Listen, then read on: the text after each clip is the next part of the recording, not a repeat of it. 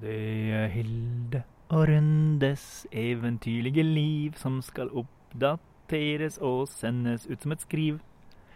Dere må lytte, og vi må prate. Derfor anser vi dere som nesten late, unntatt Magnus som sender inn memes. Han er på en måte del av vårt teams. Hei, Hilde Østby. Hei, Øystein Runde. Hvordan føler du deg? Støl i begge, støl i begge to lår. Ja, Hvorfor i lårene, tror du? Eh, jeg tipper det er fordi det er mest muskelgruppe der, og mest å bli støl i. Ja, fordi eh, du har ikke trent deg til denne stølheten. Nei, jeg har vaksinert meg til denne stølheten. ja. Så det kan være et sånt treningstips. Ja. Drit i å trene, bare vaksinere deg. Dose to av Moderna. Ja, Mm. jeg, jeg nettopp, Det er ikke så lenge siden jeg tok dose to av Pfizer, og jeg var så sjuk. Jeg var kjempesjuk. Og glad samtidig. Sjuk Ja. og glad, faktisk. Ja. Sjuk og å bli. Ja, sjuk å bli. Fordi jeg visste jo at nå virker det Ja. sånn ordentlig. Dette, nå river det og røsker det, tenkte jeg. Yes! Eh, for jeg var kjempe, kjempe, kjempe influensasyk, men på en sånn rar måte. Ikke sånn som influensa pleier å være. Ah, ja, ja. Eller jeg har ikke hatt influensa så mange ganger, men altså, det, var, det var en helt rar følelse. Ja, så da var jeg glad. ja. Det kan jeg si. Vi var på ferietur, og alle de andre var og bada. Jeg lå gispet på rommet. Hvor, var, hvor var det? Vi var på Oscarsborg for å se på våpen og lære om andre verdenskrig. Og bade. har du fått krysse grensa? Oscarsborg er i Oslofjorden! Å ja. ok. Husker du ikke det? Nei. At Blücher ble skutt fra Oscarsborg. Dette burde jeg kanskje visst om. Du burde kanskje visst om det. Kanskje du skal dra en tur til Oscarsborg når du er blitt frisk. Og lære. Det er sånn naziflagg der, og det er sånn rekonstruksjoner av hvordan Blücher ble skutt. Og hele Oscarsborg ble bombet med over 500 bomber. Et, altså som he hevnaksjon, da. Ja. Eller også fordi tyskerne skjønte at dette var et veldig sentralt punkt i å komme seg gjennom Oslofjorden til Oslo for å invadere eh, hovedstaden. Ja. Så de måtte uskadeliggjøre Oscarsborg. Ja. Så det er et veldig spennende sted, men også utrolig fine strender, små strender man kan bade på. I eh, krigsnyheter, eh, Kina har akkurat eh, Vi har akkurat funnet ut at Kina har bygd eh, 200 nye rakettsiloer. Oi! Ja. Shit pommes frites! Ja, ja. Men, Og eh, i eh, Diktatornytt eh, Ja. Erdogan skylder på folket, så, altså sitt eget folk, når det gjelder mengden skogbranner. Så det er sånn typisk victim blaming. Han sier dette er som terrorisme å regne, og det er vanlige folk som bare har tent på. Fuck Ja. dem, sier Erdogan. Etter hva jeg skjønner, da. det var lurt. Jeg kan ikke tyrkisk. Ja. Ja, det er et lurt triks. eh, Alltid hvis noen eh, sier at, det går då- at du gjør en dårlig jobb, så heller skyld på dem på en eller annen helt absurd måte. For da blir de ofte så satt ut at eh, du får et forsprang. Ja, de var allerede i en veldig sårbar situasjon og lette etter skyld. Ja. Så det er jo på en måte um, Det er kjempelurt. bra, bra jobba. Eh, han heter Erdogan til fornavn. Erdogan eh, husker ikke Nei. hva han heter til fornavn. Eh, bryr meg ikke. Har Nemlig. å- ikke lyst til å møte den. Eh, og det er jo litt sånn man driver med når, folk, eh, når kvinner er blitt voldtatt. Da er det jo som regel deres egen skyld. Dette har vi snakket om det før. I, i Helene Flod Aakvågs eh, utmerkede bok om skam så beskriver hun victim blaming. Eh, og det er jo eh, Det er jo en fin hersketeknikk, liksom. Det gjør at du slipper å gjøre noen ting med noe som helst. Ja. Og i tillegg så er det jo sånn veldig betryggende hvis det er offerets skyld at noe har skjedd. Da er det jo ikke noe som er farlig for deg. Da er det jo det offeret som har pekt seg ut, og som eh, på en eller annen måte gjorde seg eh, fortjent til den behandlingen. Så da er jo du trygg. Ja. Så det er en måte å gjenopprette tryggheten i verden på. eh, på en veldig dårlig måte, da. Eh, så det er lurt. Det funker både emosjonelt og, og praktisk for den som gjør det. Ja, ikke sant. Og det er jo, vi skulle jo snakke litt om rasisme i dag. Og det er, jeg tenker jo at en del av de rasistiske teoriene, eh, raseteoriene, er jo konstruert sånn at eh, det blir veldig lett å utnytte andre mennesker og la dem leve i fattigdom og eh, ha det vondt. Altså, hvis du har en teori sånn som ikke sant, em, René Descartes har vi snakket om før. Eh, han er jo skyld i veldig mye dårlig. Mye bra også. Men når han sier at det, det er et hierarki av smerte, da. Og jo nærmere du kommer dyrene, eh, jo mindre smerte har du. Så kvinner har jo mindre smerter enn menn. Og det gjør at når kvinner føder f.eks., så er ikke det egentlig så stor smerte som hvis en mann skjærer seg i fingeren. Så er jo en kvinne som føder, har jo ca. like mye smerte kanskje som en, som en mann som skjærer seg i fingeren. Var det Descartes sin konklusjon? Etter, Nei, nå eh, bare tabloidiserer jeg Descartes Men han gjorde det faktisk. Han satte et sånt hierarki. Ja, han laget et hierarki hvor evnen til å føle smerte var knytta til um, fornuft. Og kvinner hadde jo selvfølgelig mindre fornuft enn menn. Ja. Ikke sant? Og så barn. Mye mindre fornuft enn eh, Mm. kvinner igjen. Og ikke sant? slaver da, fra andre deler av verden, folk med mye melanin i huden, de ble jo ansett som veldig mye nærmere dyrene enn mennesker. Enn hvite mennesker. Så de Nå holdt jeg på å gjøre en eh, kardinalfeil. Eh, de eh, ble betraktet som mye mindre men me mennesker enn de hvite menneskene, og dermed også mindre i stand til å føle smerte. Ergo var det ikke så ille om du uh, stjal dem fra hjemmet deres, tok fra dem barna deres, voldtok konene deres og utnyttet arbeidskraften deres gratis. For de følte jo ikke så mye smerte. Dette er jo akkurat sånn vi tenker om dyr nå. Ja, det er det. Det er helt forferdelig. Så vi må slutte å tenke sånn om dyr. Vi må i det hele tatt slutte å gjøre antakelser om andres smerte, tror jeg, og så bare forholde oss til det vi eh, kan bruke empatien til. For du, empatisk sett så skjønner du at eh, når du deler en mark i to, og den vrir seg, da så er det ikke bare en mekanisk rykning. Den har det vondt, liksom. Um, jeg tenker jo jeg, er jo jeg er jo på en måte ikke veganer og har en venn som lar meg få høre det. Ja, Um, og det er, jo, det er jo helt riktig. Altså, det er jo eh, Ja, ja. et riktig resonnement. Jeg bare klarer ikke å følge det. Følge det opp. Nei, det, det er greit. Men jeg tenker at man skal i hvert fall ikke late som om det ikke er sånn. Mm, ja. Fordi den systemiske rasismen den prøver jo å lage et system hvor dette er greit, og ingen andre heller skal ta inn over seg at du påfører noen smerte. Du utestenger, du dekker eh, Du lukker dører for andre mennesker pga. For, fordommer. Hvis du lager et system hvor ingen andre heller kan være empatiske, hvor ondt er ikke det, da? er det bare sånn slaveeier som bare sånn Ja, det er fryktelig fælt med slaver og sånt. Ja ja. Men jeg gjør det likevel. Ja. det er dumt, altså. Ikke sant det er dumt at du er slave, Andreas? Ja, ja, du, ja vi, er, vi er liksom kompiser, vi, da. Ikke Ja, du blir den ekstra, ekstra forferdelige slavedreveren som faktisk har empati, ja, men gjør det likevel. Ja, som ikke har noen argument på sin side. Bare Bare Nå er det slik at du er slaven min, da. Ikke ta det personlig. Ja. Jeg vil være din venn. Men ikke, ikke på en likestilt måte, Andreas. Nå fant jeg på slavenavnet Andreas, som er veldig urealistisk. Det er Ja, det er kanskje ikke så vanlig, men det kan jo ha vært vanlig. Altså i dansk-norsk Det var jo en dansk-norsk slavehandel, som det har, kommet, det har kommet flere bøker om den. Fikk man danske slaver? Ja, så det har jo vært slaver eh, det er, Siri Dokken har jo laget tegneserie om den frigitte Kongens mann? slaven. Ja, tong, mm. kongens mann. Han som ble drept, knivdrept i Kragerø. Ja, noe sånt. eller Grimstad. Dette var på 1600-tallet. Han kom til Norge fra det danske hoffet. Ikke sant? Så det var jo det. Var jo det. Det var jo også antagelig Slaven Andreas er ikke urealistisk, da. Ja, men han der eh, Han var jo afrikansk, han slaven i Siridokken. Og Og Ja. Bård Enoksen sin Ja. bok. Ja. Det var Bård som skrev det. Ja. Jeg tror jeg. Ja, det var det. Det var det. Ja. Eh, vi har jo ganske mye rasisme i Norge. Det er jo ikke til å komme forbi. Altså, jeg må jo bare si Nå skal jeg fortelle litt om forskningen jeg har lest. Ja. Jeg føler at dette blir en podkast hvor jeg snakker 70% Kan det stemme? ja, jeg sitter jo her og jeg sånn, skjønner meg litt bakfull av at alle antistoffer som eh, slåss om plassen i kroppen min. Ja, jeg skjønner det. det. Og det utnytter jeg grovt Ja, til min fordel.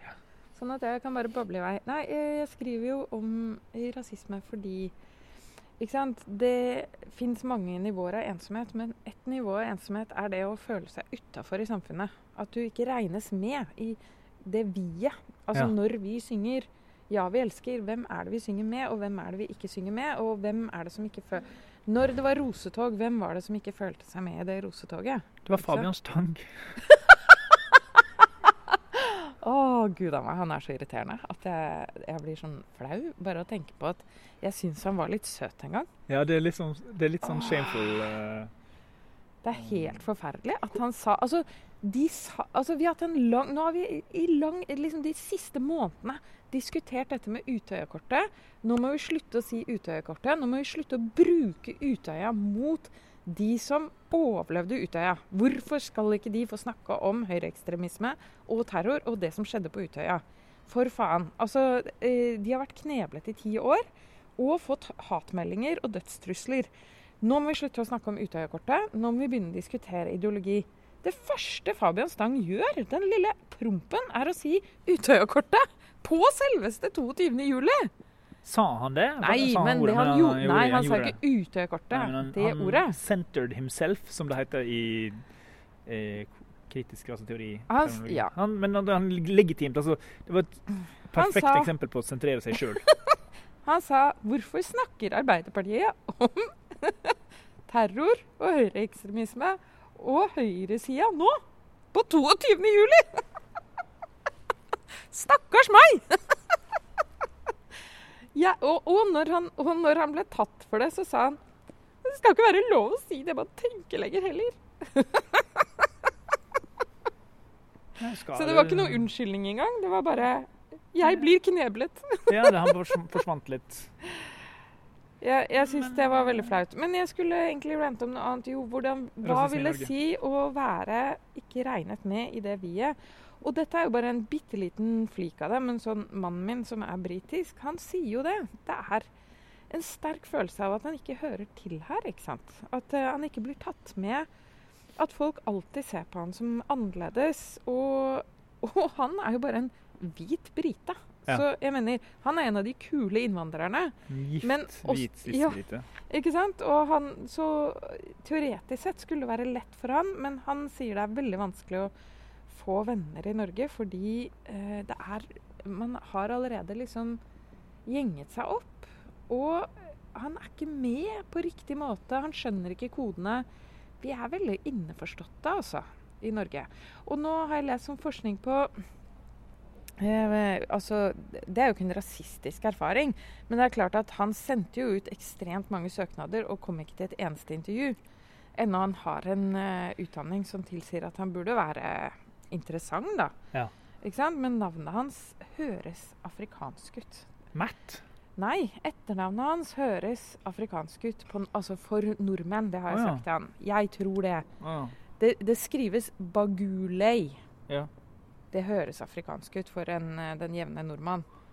Så det er det etternavnet jeg har gitt til datteren min, og jeg vet at det kommer til å påvirke hennes eh, jobbsøkeprosess. Fordi eh, forskning viser at eh, du får ekstremt lavere Du har ekstremt eh, lavere sjanse til å bli innkalt til jobbintervju gitt de samme kvalifikasjonene. Ikke sant? Ja. Så eh, det har jeg gitt til datteren min, da eh, dårligere muligheter til å få jobb. Men altså, eh, melaninrike barn som er litt bråkete i klassen, eh, de eh, oppfattes raskere som problemelever enn eh, hvite barn. Ja. Eh, og folk med farge i huden blir raskere, fortere liksom kalt inn av politiet, stoppet i passkontroll etc., etc. Stoppet av politiet etc. Eh, og så leste jeg et stort forskningsprosjekt som gikk på rasisme, og som har med helse å gjøre. Har vi snakket om dette før? I så vidt, men du kan bare gå gjennom det. Det er med, du sikker? de- det med eh, Bare kjør på. Er du sikker? Det blir ikke kjedelig? Nei da, kjør på. Ok, men det er, det er jo veldig interessant hvordan det påvirker kroppen. Altså, den, eh, den utstøtelsen da, som du alltid møter når du Altså Uansett hvor du går, når på døgnet det er, så eh, blir du sett ikke sant? med Ja. dette fiendtlige blikket. Og det gjør noe med deg. ikke sant? Det gjør noe med For ensomhet er jo da frykten for utstøtelse fra fellesskapet. Og det er noe man opplever mye i form av Altså det er rasismen. Ikke sant? Det er frykten for utstøtelse fra flokken.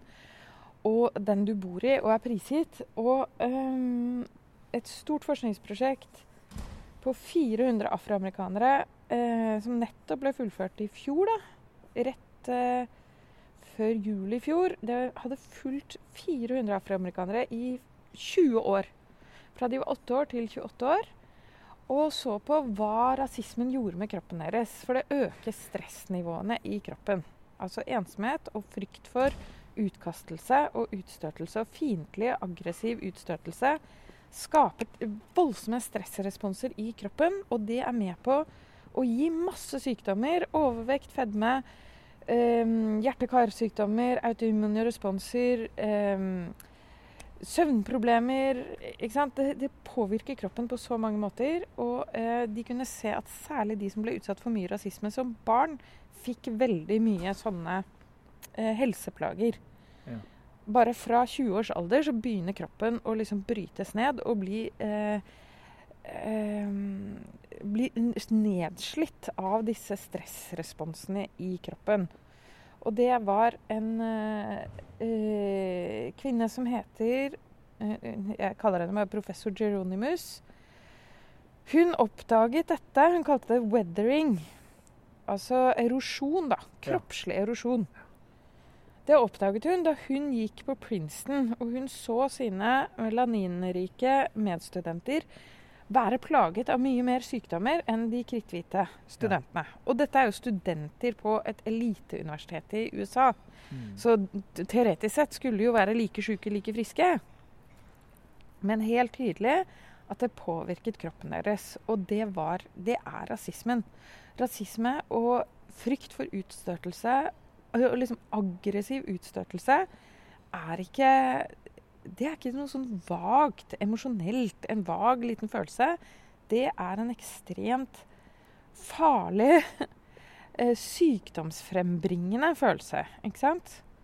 Så det er en del av det som for, liksom forkrøpler den melaninrike befolkningen, som allerede bærer på merker fra, av generasjoner av rasisme. Og hvordan kan vi tåle det? Hvordan kan vi tåle at dette skjer, skjer rett for nesa på oss?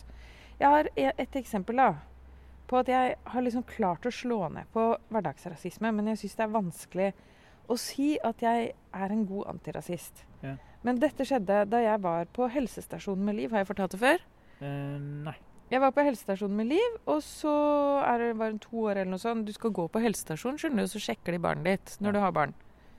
Så har de Myndighetene har øya på deg. Slipper ikke unna. 1984, Big Brother. Får ikke lov å forsømme ungen sin engang. Nei, man, man får ikke det engang.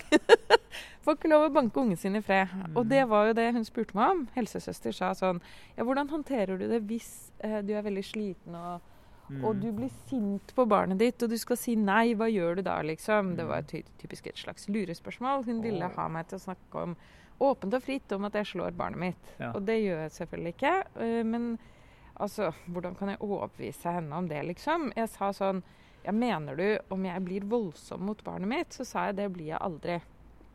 Så sa hun å ja, nei. Eh, ja, det var det jeg lurte på. Men du vet, eh, beklager, jeg må bare spørre deg om det. Fordi vi er jo en bydel hvor det er veldig mange innvandrere. Så dette er noe vi spør veldig Vi ser veldig mye i disse innvandrerfamiliene. Så sa jeg eh, Og for en gangs skyld så klarte jeg å være en bra antirasist. Ja. Fordi jeg har lest den statistikken. Ja, okay. Jeg vet hvem som slår barna sine. Okay, ja. Det er nemlig altså, som plager, mishandler og forsømmer barna sine.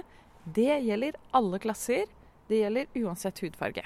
Er det helt jevnt fordelt? Det er helt jevnt fordelt. Det er bare eh, Altså Økonomisk usikkerhet øker graden av grov fysisk vold. Ja. Men ellers så er psykisk og fysisk mishandling skjer i alle samfunnslag, og eh, av begge kjønn også. Ja. Det er ikke bare far som eh, slår eller mishandler barna sine. Det er mor like mye som far. Og dette vet jeg fordi jeg har lest all den statistikken, så da kunne jeg ramse opp den for henne. Så sa jeg det er feil, sa jeg. Den du burde være veldig bekymra for, er meg. Fordi jeg selv har vært utsatt for sant, mishandling ja. som barn. Så jeg, statistisk sett, så kommer jeg til å være mye slemmere mot barnet mitt ja. enn hvilken som helst random eh, innvandrerfar i denne bydelen, bydel Grøn, eh, Gamlebyen, da. Ikke sant? Mm. Eh, hvor det er mye innvandrere, da. Ikke sant? Um, og da ble hun helt sånn grønn i ansiktet, og da visste hun ikke hva hun skulle si. faktisk. Ja. For jeg sa jo at jeg er jo den som mest sannsynlig kommer til å slå barnet mitt, og du har nettopp oversett meg. ja, Men de har sikkert ikke fått eh, tallene inn i systemet sjøl? Statistikkene? Dette er ganske gamle tall, altså. Ja. Altså Den statistikken her har vært sånn jevnt og trutt oppdatert og viser det samme år etter år. Det som korrelerer, er jo da altså økonomisk usikkerhet. Økonomisk usikkerhet og grov fysisk vold. Ja. Men det betyr ikke at det ikke skjer grov fysisk vold i høyinntektsfamilier. Du kan aldri vite det. Du skal ikke ta for gitt. For sånn grov fysisk vold, hva som Grov fysisk vold korrelerer med eh, økonomisk usikkerhet. Ja, okay. Men det kan godt skje i høyinntektsfamilier også. Du bør ikke se forbi det. Du bør ikke, når du får inn en unge, da, Ja. ikke ta for gitt at den ikke blir slått bare fordi den kommer fra en høyinntektsfamilie. Mm. Ja. Så det er jo 250 000 barn i Norge som opplever eh, en type psykisk eller fysisk mishandling i dag. ja, og de tallene ble vel nesten vekke under pandemien når ingen kom på skolen. Og Ja, ingen det. fant ut av det, men eh, det har jo skjedd i all stillhet da, under pandemien. Så eh, det var ett tilfelle hvor jeg kunne på en måte slå ned på hverdagsrasisme på sånn kjapt, for da hadde jeg tallene inne. Men som regel er det liksom Skjønner du? Det er lett å bli litt sånn høflig og vag fordi man ikke har man det ikke, ja, man kan ikke tallene, man veit ikke hvordan det er. Og, Ja, så da blir man ikke For da kunne jeg være sånn dønn ubehagelig mot hun helsesøsteren. mm. Det var deilig. Men da hadde du også fakta på de sider. ikke sant? Ja. Så var det liksom lettere å være Så det er lurt å lese masse statistikk. For min del tenker jeg at jeg skal lese mer og mer statistikk, sånn at jeg kan, du vet, slå ned på det Mhm. når jeg hører det eller ser det. Og alle selvfølgelig nedlatende kommentarer som har med som er knytta til hudfarge eller rase å gjøre, da. Hva, altså, man må jo slå ned på det, men, men ofte er det jo ikke så tydelig som det. Skjønner du? mm. Ofte er det jo bare at vi ser på at eh, unger med minoritetsbakgrunn eller eh, som har farge i huden, da, melaninrike unger, blir behandla annerledes eller får færre muligheter, da. Hvordan gjør noe med det, da? Øystein, svar fort. Du er sikkert en bedre antirasist enn meg. Nei, det veit jeg ikke noe om. Jeg, jeg føler ikke at jeg møter nok folk til å rekke å være noe som helst. Um, Hva kan jeg gjøre med at liksom I klassen til datteren min ikke sant, så går det unger som er stua inn sammen med familiene sine i en kommunal blokk som er full av klin kokos, helt vilt rusa folk. Altså veldig rusa folk som går og sjangler rundt og roper på metadon eller hva som helst. Hyler usammenhengende midt på natta. Hva kan jeg gjøre med det? For de barna blir vekket midt på natta av klin gærne rusmisbrukere som kommunen av en eller annen grunn syns det er hensiktsmessig å stue sammen med barn. barnefamilie. Barnefamilier bor da vegg i vegg med klin kokos rusmisbrukere. Det er sånne kommunale boliger her Ja. i området. Ja, hva faen er det for noe, og hva kan jeg gjøre med det? Det er én ting. For meg ser det ut som pur rasisme. Ville de gjort det hvis en eller annen familie fra Smestad fikk problemer? Ville de puttet dem inn i en blokk med helt vilt gærne rusmisbrukere? Det er synd på rusmisbrukerne også. Ja, ja. Jeg er ikke imot dem. Men når de går rundt og raver og roper Ja. og skremmer meg, som er en voksen dame, så skremmer de jo barna som bor i den blokka. Mm. Nå klødde jeg opp et sår. Det ble Oi, det ble eh, masse blod, faktisk. Jeg veit det. Satt du og klødde mens du i entusiasme? Ja, fordi jeg ble så sinna. Bra. Ja, men jeg vet ikke om det hjelper at jeg blør for søka. Jo, det hjelper. Nå må vi ut av regnet. Kom, Å, vi går, nå går vi under det taket.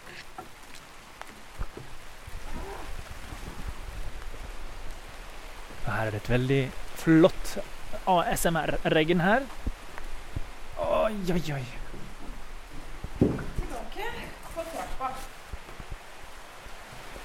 Å, det var skikkelig regnlyd også. Det ble bra. Det ble høljeregn. Det ble god ASMR. Åh, Og, og blod og regn. Det er masse blod, masse regn. Hva skal jeg gjøre med dette? Øystein, jeg, Har du en eh, serviett eller noe? Nei. Du får bare spise opp, da. Skal du skvette det rundt? Nå kaster hele blodet sitt rundt. blodet mitt rundt. Som smågodt på en barneskole. Hadde ikke du en veldig bra vits i stad? Skal du ta den nå? Eh, er jeg så groggy at jeg nesten ikke klarer å huske hva Eh, Jo, jo, nei, det var ikke en bra vits i det hele tatt. Jo, ta den, da. Eh, ja, hva var det? Jo, det var sånn der eh, Nei, det har med språkspalta å gjøre. Ja. Da kan vi gå til språkspalte. Jabberwocky.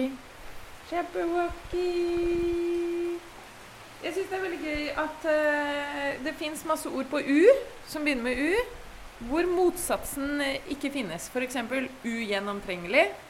Vi driver ikke og snakker om gjennomtrengelig. Nei, hvis ting er gjennomtrengelig, så blir det vel gjennomtrengt med en gang. Det er det, det er for seint, Vi bruker ikke det ordet, bare. Det er liksom ikke det vi gjør. Og liksom Ja, ja, vi sier at noe var et uår. Ja. Vi snakker sjelden om at noe var et år. Jo, det gjør vi faktisk. Nei, nei, men ikke så mye bra, da. Et uår er et dårlig år. Ja. Men et år er jo ikke det bra året, liksom. Det bare er et år. Eller ufør. At noen er før Ja, for der, der er min vits. Og det er at hvis folk er veldig føre, så bør de betale ekstra skatt. Ikke sant? For ufør, de trenger hjelp, på en måte. De får uføretrygd. Ja, og min gag er veldig tidsaktuell, for jeg men, mente at Karsten Warholm er så ekstremt før at han må betale kanskje dobbeltskatt. Ja, det syns jeg absolutt. for Du, vet hva, jeg visste ikke hvem han der Warholm var, jeg, før alle drev og skrev om meg på Facebook og i VG og alt mulig. Ja, Ulsteinviks eh, nest største sønn. Å, for han er fra samme sted som deg. Ja, ja, ja. Kjenner du han? Nei, eh, men Hvorfor ikke det? eh, Hvorfor ikke? For jeg vokste opp når jeg var eh, oh, ja, fordi han er bare barnet. han er en liten barn. Han er en milliardær og et bitte lite barn Jeg tror, han er, jeg tror ikke han er milliardær. ass. Ok, millionær, da. Han blir millionær av dette. Hvis Er han vil, så. Hvis han Ja. vil embrace kan- en skodeal. Dette kan han cashe inn. Ja. Ja. Nei, men jeg husker nabo, nabogutten. Han var sånn friidrettsentusiast. Og han var helt sånn, Det var en bitte liten unge som heter Karsten Warholm, og nabogutten som var veldig sprek, var sånn Å, shit, når Karsten Warholm blir stor, det blir så fett. Ja. Så dette, dette er noe man har sett hele veien. liksom, At man ah, ja. setter på eh, et eller annet teknikken, eller hvor god han er i forhold til alderen, eller hvor ah, ja. Så kjedelig. Så man har liksom Syns dette er så kjedelig. At løper fort. Alt med dette er kjedelig.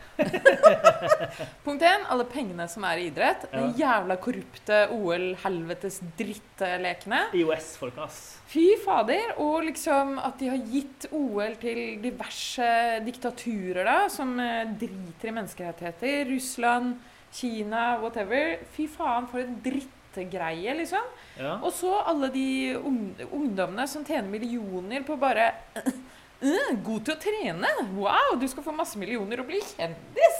Og det eneste de kan snakke om, er trening. Så dette er ikke viktige folk, liksom. De kan trene.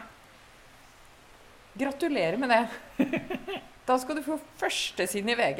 Å, han kan trene masse. Han er skikkelig flink til å trene. Wow. Jeg kjente bli lynsja i Ulsteinvik hvis jeg uttaler meg frekt om Karsten Warholm. Ok, Da skal jeg ta hele den kan ta aleine. Du er dessuten syk, vet du, så du kan jo ikke si noe nå. ja. Nå leker Hilde med blodet sitt. Tegner små figurer på leggen sin med blod. Og nå jeg styrken, Det driver og altså, liksom- levrer seg. Ah. Dette er fint, altså. Det er litt sånn blodslim. Men de har veldig bra sånn immunforsvar. Da. Det kommer jo masse hvite blodlegemer med en gang. Å ja, du tenker på blodplatene som fikk det til å størkne? Yes! Yes. Er ikke det kult, da? Jo, det er flott. Det kan vi snakke Jeg liker bestemann best var når du liksom vifter med handa for å kaste blod ut på rundt deg. Jeg gnir det litt på skoen, jeg. Ja. Sånn. Jeg har flere u-ord. Nei, men Eh, ullen? Len? Det sier du ikke. Ofte. Ullen? Jeg tuller nå. Ja, Prøver å tulle litt. Ja, jeg-. Urin? Du snakker ikke om rin. Nei, det kom rin blir sugd inn i kissen. Så, Skal vi se Ja, det er, nå kommer det snart. Utøy, ja. Ja, Utøy utøy. er gøy. Ja. Fordi du sier jo ikke utøy om de andre dyrene. de snille insektene som invaderer Ja. leiligheten. Ja. Fikk, vi hadde utøy, men så fikk vi tøy. Nemlig edderkopp, og de spiste alt utøyet. Men prinsipielt er jo edderkopp på en måte tøy, da. For Ja, det er alt det dårlige. Ja. I Zimbabwe, som jeg besøkte da jeg var 16 år, ja. så hadde de et edderkopp ned til midten av stua på sånne um, hyttene for å fange fluer. Oi. Som, som husdyr, på en måte. Ja da. Hus, Husedderkoppen. Husedderkoppen. Så koselig. um, Jeg vet ikke, sier man u... Altså, man sier jo umake. Ah, nå er det sånn blodklødd på mobilen til Hilde. Oh my god. Jeg er litt følsom i dag. Jeg, sånn Er at du? det, det Jeg trodde du var sånn går- veldig intim med blod. Ja, det var litt interessant, for jeg kjenner at jeg har litt lav terskel. Og nå, slik, nå slikker han vekk fra mobilen. Og jeg har litt sånn Du kan si mye om meg. Gravid kvinne. Du kan si mye om meg, men jeg er ikke ladylike, ass. Det skal ingen ha på meg. Jo, det er så ladylike. ja, med sånn blodkledd på foten. Um, Ublid? Eh, Hæ? altså, du sier det var et ublidt møte med uh, det og det. Jeg hadde et blidt møte med murveggen. Ja, det sier du ikke. Nei. Du sier jo ikke det. Nei. Eh, eh, eh. Du, den lista di var litt mindre gjennomtenkt enn Jeg hadde ikke samlet alt, fordi jeg, var ikke, jeg visste ikke at vi skulle ha Jabberwocky denne gangen. Vi Skal hadde alltid ha. Jabberwocky. Nei, vi hadde det ikke forrige gang. Og hva skjedde med forrige episode? Jo, den ble sletta. For det er jo vind. Vi kan oppsummere forrige episode. Og hva var det som skjedde i forrige episode? Jeg husker ikke. Um, jeg tror jeg snakka om min kompis som datt på sykkel, og som rulla perfekt, og skrapte opp hele kroppen unntatt hodet. Ja, det er fint. Mm. Bra for han. Men, Bra for han. men han hadde sånn sykkel med syltynne dekk, så de satte fast i trikkeskinnene. Så det må man la være å ha. Sånn supertynne trikkeskinnedekk. Og så må man ikke ta sånn der jævla elsparkesykkel. 18,5 skader per dag. nå. Er det 18,5? I juni var det det. 18,5 per dag. Og vet du hva? Det koster så masse å sende folk på Sunnaas. Og nå er det masse folk på Sunnaas som skal lære seg opp etter å ha krasja med hodet først. Med den jævla Er greia. Er det? Ja! Oh. Det er kjempefarlig å få hodeskader. Du vil ikke skade frontallappen. Det må du bare aldri gjøre. Da, da mister du deg selv. Har jeg fortalt om han derre Phineas Gage? Eh, han som fikk sånn stor Jernstang gjennom ja. mhm. Har jeg snakket om han før? Ikke på podden, tror jeg. Er berømt. Jeg leste om han i Guinness rekordbok da jeg var liten. Oh, ja, hvorfor det? For det var, ja, det var, Hvorfor står han i Guinness rekordbok? Um, Tippa tipper størst skade på hjernen uten Ja, Som har levd lengst med en stor skade på hjernen. da, For han levde i tolv år etter at han fikk da en kjempestor jernstang gjennom frontallappen. Ja. Han var jernbanearbeider i USA på midten av 1800-tallet. Han var leder for arbeidsteamet. Og han brukte denne jernstangen til å dytte krutt ned i et hull, sånn at de kunne sprenge vei for jernbanen. Eh, sprenge fjellet bort. Og så glemte han seg og klarte å eh, dytte den jernstanga ned rett på kruttet, sånn at det gikk av. da. Og den skjøt tvers gjennom hodet hans. Og da han kom til legen, så rant det liksom litt hjernemasse ut av hodet hans hele tiden. Stakkars Øystein er så følsom i dag. Han tåler, tåler ikke å snakke litt om hjernemasse engang. De måtte spa Nå, dette er gøy. De måtte spa liksom hjernemasse ut fra såret da, med en skei. er det noe du finner på for liksom Nei, det er sant. Det er sant. Ja, ja, ja, ja, dette er sant. Og så fint at du er en av Norges største Phineas Gage-eksperter. Ja. Og så eh, Og, og Phineas Gage var akkurat sånn som jeg var etter at jeg krasjet med hodet først, først i en bro. Ja. Han var sånn eh, Fordi legen sa ja, nå må, kanskje, vi skal, kanskje du skal si fra til dem du er glad i, sånn at du kan si farvel. Ja. Og Phineas Gage sa nei da, det går bra. Jeg skal på jobb i morgen. ja. Enn han hadde fått da en én en meter jernstav tvers gjennom hodet. ja. Ikke sant? Som var en centimeter i diameter. Du bare Det er helt avsindig. Den gikk gjennom venstre øyehule, da. Ikke Ja. sant? Så han slapp Så han ble blind ja. ja. og kom ut her midt på hodet.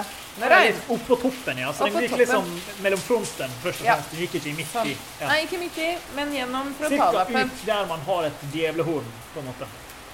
Ja, litt lenger opp, da. Men bare for å gi lytterne et eh, visuelt Siden du, de peking ikke hjelper så veldig. Nei, jeg har dårlig peking. Men Ja. cirka her gikk den ut. Jeg har sett uh, røntgenbilde av det. Når Silje sier her, så peker hun på en spesifikk plass på hodet.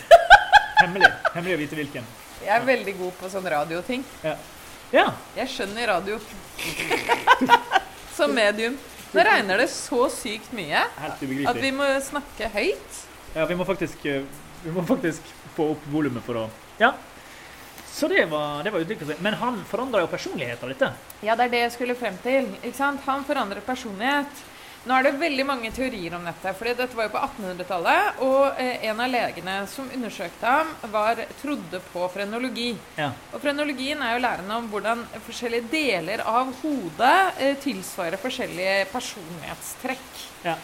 Så eh, Ikke sant? Og dette var jo ikke Det ble jo ikke undersøkt med moderne metoder, men han kom jo aldri tilbake i jobb. Det er i hvert fall helt sikkert. Og jeg, jeg, vir, altså, jeg, jeg tenker at det er veldig usannsynlig at han ikke ble påvirket personlighetsmessig av at frontallappen ble skadet. Fordi eh, frontallappen har jo med konsekvensberegning å gjøre, og med stressmestring og Hele det systemet som heter eksekutivfunksjonen, blir jo påvirket. Hvis frontallappen blir så skada som den ble hos ham. Ja. Og han fikk også epilepsi etter, eh, etter ulykken. så fikk Han epilepsi. Han døde i det som heter Grand Mal, Oh, ja. et stort anfall. Tolv år etter ulykken døde han. Ja.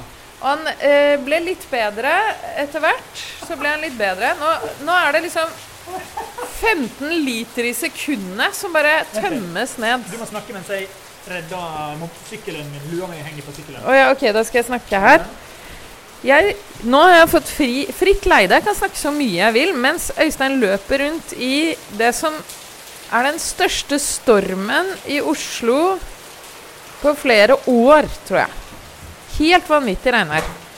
Phineas Gage mis, altså, ble liksom amper og vanskelig å ha med å gjøre. Han hadde vært en tålmodig og snill og hyggelig mann før ulykken, og han ble liksom amper og vanskelig å ha med å gjøre.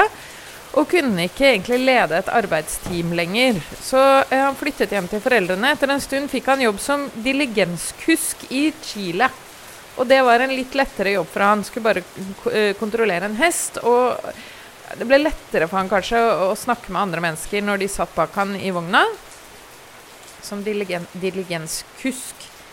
Men uansett, det skal jo ikke så mye til for å skjønne at det vil påvirke deg alvorlig at en bit av hjernen har blitt skutt ut med en jernstang. Og jeg som bare har krasja lite grann inn i en bro, øh, jeg fikk også øh, ikke personlighetsforandringer per se, men du blir Jeg ble veldig, veldig sliten. Jeg måtte ta pauser hele tiden. øh, mer utålmodig. Eh, kunne begynne å gråte plutselig, fordi bare Det kjennes ut som bare hele verden raste. Som om jeg fikk et helt liksom, knust speil. Eller kastet midt i ansiktet. Altså, jeg vet ikke, Det er vanskelig å få beskrive hvor jævlig det er, egentlig. Og dette skal vi utsette folk for. Bare for at de skal kunne stå seg rundt i byen på sånn ståmoped. Altså at de ikke skal ha på hjelm, er jo latterlig. De kjører i 20-30 km i timen. Altså fortere enn jeg gjorde på sykkel. Ergo har du sjanse for å få deg en skikkelig saftig hjernerystelse. Og forskning på hjernerystelse er ganske ny, egentlig. For før har man liksom behandlet det som en slags sånn type skrubbsår, men det er ikke et skrubbsår på hjernen. Altså Det kan forstyrre systemene i hjernen, eksekutivfunksjonen, som vi har snakket om før, og denne dagdrømmemodusen, som vi også har snakket om før. Hvordan de samhandler. Ja. Og de kan stå sånn og, og spinne og, og stange i hverandre, og du får ikke til noen ting, rett og slett. Får ikke konsentrert deg, får ikke dagdrømt, blir veldig deprimert. Så sjansen for depresjon er veldig høy etter en, eh, hjern, en hjernerystelse, f.eks. Det er bare én av tingene. Konsentrasjonsproblemer etc. Tinnitus fikk jeg. Ja. Jeg ønsker ikke det for min verste fiende. Jo, jeg ønsker det litt for Fabian Stang, som jeg så sykle uten hjelm, faktisk. Og da hadde jeg tenkt, Dette var før han sa de dumme tingene. Da hadde jeg tenkt å gå bort til han og si sånn Fabian Stang, du må sykle med hjelm. Og nå eh, Nå syns jeg han kan sykle uten hjelm. Vær så god. Det var slemt. Jeg vet det. Ah, ja. Jeg kan være skikkelig slem av og til, altså. Han er din Bolsonaro. Nei, nei, nei. Jeg har ikke, noe, jeg har ikke noe drømmer om å drepe han. Stang, nei. Nei, han eh, Men det kaller jo på en vits. Hvilken vits? Stang ut. Oh. Har ikke noen sagt det? Jo, helt sikkert. Ja. Eh, men det var vanskelig å liksom skrike sånt når han var liksom på sitt søteste. Da var han liksom Ole Brumm. ja. Da var han sånn Ole. Brumm-koselig. Ja. Og alle elsket jo mora hans, så da vil vi jo være glad i han. ja. Kanskje hun liksom holdt han litt sånn på bakken et par år? Bare daska til han hvis han begynte å Kanskje det. ja. At man trenger, alle trenger mora si til å holde seg litt i skinnet. Hvis det er en snill mor, da. Hvis det er en snill mor, da. Ikke du. Jeg tror din mor har holdt deg nok i skinnet. Ja. Ja. Grusom, grusom ting å si til deg, når jeg tenker meg om. Um, vil høre om Hildes fæle barndom, kan du høre på de tidligere episodene. De holdt i skinnet, iallfall. Ja. Min mor er ganske søt. Er hun? Ja. Hva gjør hun for deg, da? Holder meg i skinnet. Oh, ja, okay. OK. En god del, da. Altså mye sånn der Passe. Passe mye. Ja, kanskje litt veldig opptatt av um, av uh, at jeg f.eks. ikke må dra til månen, eller Å ja. type Hva? Hvis, Så utrolig dårlig gjort av henne. Og du som har så mange tilbud om å dra til månen allerede. Ja, typ. Jeg tror min, min begeistring for romfart har vært litt sånn Jeg har møtt en del skepsis hos moderen. Det var sånn Fy søren, ass. uh, Du har blitt holdt virkelig nede. Holdt tilbake. Ja, ja, du holdt hadde vært den nye Elon Musk hvis det ikke hadde vært for mora di. På, hadde vært nye Jeff Bezos, faktisk. Men den gang ei. Typisk sånn jantelov eh, holde ned eh, Typisk Norge. begrense. Pottit-Norge. Puttit Norge. ja. Du får ikke lov å slå toåringen. Du får ikke lov å sykle uten hjelm. hjelm. Får ikke lov til å dra til månen. Det er jo Ketil Solvik-Olsen som har liksom egentlig ansvar for det frislippet på bysykler. Hvem det? da? Hvem da? Solvik-Olsen. Hvem er det igjen? Han transportansvarlig i Frp. Den minst For en dust. den, den som minst Frp-aktig av dem, nesten. Oh, ja, men han burde jo bare bindes fast i en Han ståmoped. ikke, han tar ikke ansvar for det nå, liksom. Han, jo, han prøver jo å skyve fra seg ansvaret for oh, ja. greiene. Han burde bindes fast i en ståmoped med armene tett inntil kroppen. Og så bare sette, altså sette den i fri. og så kan han eh, kose seg på legevakten med det som skjer da. Var det slemt? Den? Koselige åttende episoden der Hildes voldsfantasier får fritt spillerom for Det var nok det blodet. Jeg begynte å lukte blod. vet du. ja, ja, ja, ja, Det kom jo blod ut av meg som bare satte i gang en sånn voldsorgefantasi i hodet mitt. Tror du at du Ja, du har vært i krigsmodus, rett og slett? Ja, det var nok det. At det bare satte i gang noe testosterongreier på Ja, meg. ja, for det er vel en ting der at det er å, å, å se rødt. Ja. Lukte blod. Ja. Jeg bare sånn, mm, Alt man vil. Ja. Men så er jeg mild og tilbaketrukken. Ja, og og det liksom ble spak. kanskje forsterket av at du var så spak. For jeg får- sånn behov for å beskytte deg, vet du, Øystein. Åh, ja. Mine testonivåer er nede på sånn gulv, gulvplan. Samme som blodet ditt, som ligger spredd utover her. Men jeg ler mens jeg blør. Mm. Legg merke til det. Det er årevis med menstruasjon. Jeg Har lært meg det. Syns det, kan vi snakke om at det er menn som sliter med mensene til kvinner må ta seg sammen? Hva? Menn som, som Det var ei jente jeg kjenner som, som uh, hadde sex med en fyr, og så var det sånn Det er blod på tissen min. Ja, mhm, sånn er det. Ja.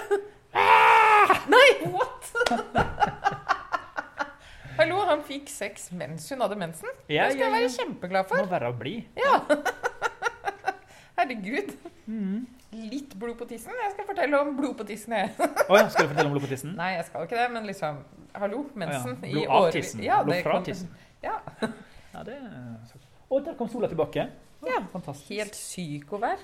Veldig sånn passivt aggressivt vær, vil jeg si. Hvor mye Er vi ferdig med episoden? Vi har to minutter igjen. Ok, kan vi, Skal vi si noe fint, da? Um, vi kan si at um, huledykking Veldig Ja. skummelt. Kjenner du til huledykking som fenomen? Eh, ja, det vet jeg. Det var jo en, um, det en huledykkerulykke i Mo i Rana, Ja, der noen, en av dykkerne fikk visst panikk og drukna veldig langt nede i Å, Åh, det er forferdelig. Husker ikke jeg meterne, men jeg innbiller meg at det var sånn 900 meter under. Det Nei, det er det ikke. Men det var sånn absurd dypt nede. Ja, men det er ikke 900 meter Det var 900 meter! En kilometer ned i livet. Nei, kan du google det? Ja, jeg kan gjøre det etterpå. Etterpå? Men lytterne lurer. Ja, uansett, da. Ja, kjør på. Så måtte de opp igjen, og huledykking er jo det mest klaustrofobiske som fins. Ja, jeg tror det. Men så var det, de venta over vinteren, for det frøs jo til, så det var ikke sjanse til å gjøre noe. Men så, året etter, så kom noen, eh, noen kolleger av han og henta han opp. da. Ja, Og det er jo egentlig ikke lov. altså Politiet hadde sagt sånn. ja, det husker jeg Ja, ikke snakk om. Ja. Men de gjorde det likevel. Ja, Og så lurte jeg på sånn, ja, fikk det her egentlig noen konsekvenser? ja. Og det gjorde det ikke. Nei. Nei, det er ikke noe bot eller noe sånt. Men så, men så tenker jeg sånn, ja, hvordan, skal du straffe en huldykker? Putte han i en celle? Så masse plass!